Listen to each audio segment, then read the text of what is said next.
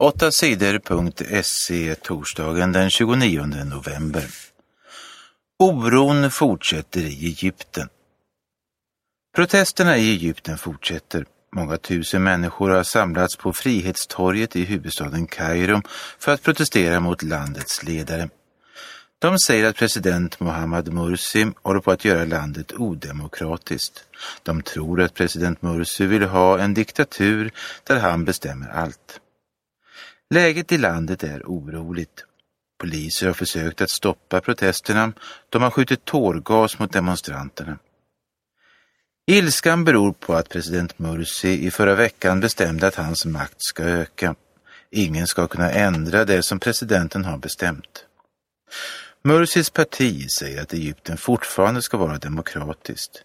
De säger att beslutet beror på att domstolar försöker stoppa Mursi och hans parti. Mursis parti, Muslimska brödraskapet, vann valet stort tidigare i år. SD-politikerns väska var inte stulen. SD-politikern Lars Isovara bråkade med en av riksdagens vakter och sa rasistiska saker till honom. Det hände sent på natten mot onsdag. Isovara var på väg till sitt riksdagsrum efter en kväll på krogen. Isovara blev polisanmäld efter bråket. Han sa att han var upprörd för att han hade blivit rånad. En man med utländskt utseende hade tagit hans väska, sade Isovara. Men Isovaras väska hittades senare på krogen där han varit på kvällen. Den var inte stulen.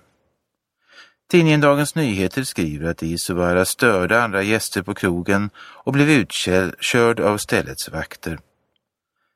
Flera andra politiker i Sverigedemokraterna har tvingats sluta efter liknande skandaler. Partiledaren Jimmy Åkesson säger att partiets politiker inte får säga rasistiska saker.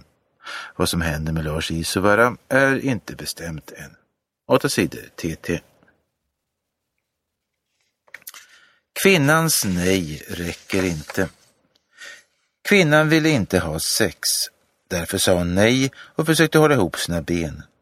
Men mannen fortsatte ändå att försöka ha sex med henne. Kvinnan säger då att eh, hon gav upp och slutade göra motstånd. Kvinnan anmälde mannen.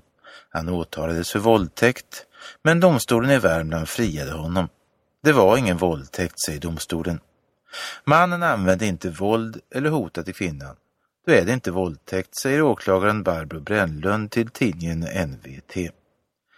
Många lurar i unga tjejer att det räcker med att säga nej, men det är fel, säger Barbro Brännlund.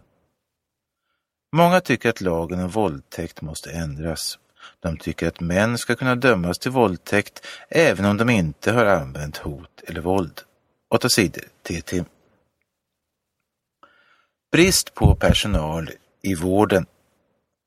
Allt fler svenskar lever länge. I framtiden kommer fler än idag att behöva vård. En ny undersökning visar att vi kommer att behöva 30 procent mer vård år 2050. Vi kommer också att använda mycket mer äldreomsorg än idag. År 2050 kommer vården att kosta över 100 miljarder kronor mer än idag. Det räcker inte att staten ger mer pengar till vården. Vi kommer ändå att sakna människor som jobbar i vården. Därför måste sjukhusen börja jobba på nya sätt, säger Anders Ekholm på socialdepartementet. Ett sätt att lösa problemen är att låta datorer sköta fler uppgifter på sjukhusen. 8 sidor TT. Svenskarna misslyckades i världskuppen. Det gick inget vidare för skidskyttarna i världscuptävlingen i Östersund på onsdagen. Carl-Johan Bergman blev bäste svensk i långloppet. Han kom på 18 plats. Fredrik Lindström blev 24 och Björn Ferry kom på 39 plats i tävlingen. Martin Fourcade från Frankrike vann tävlingen. Det var hans elfte seger i världskuppen.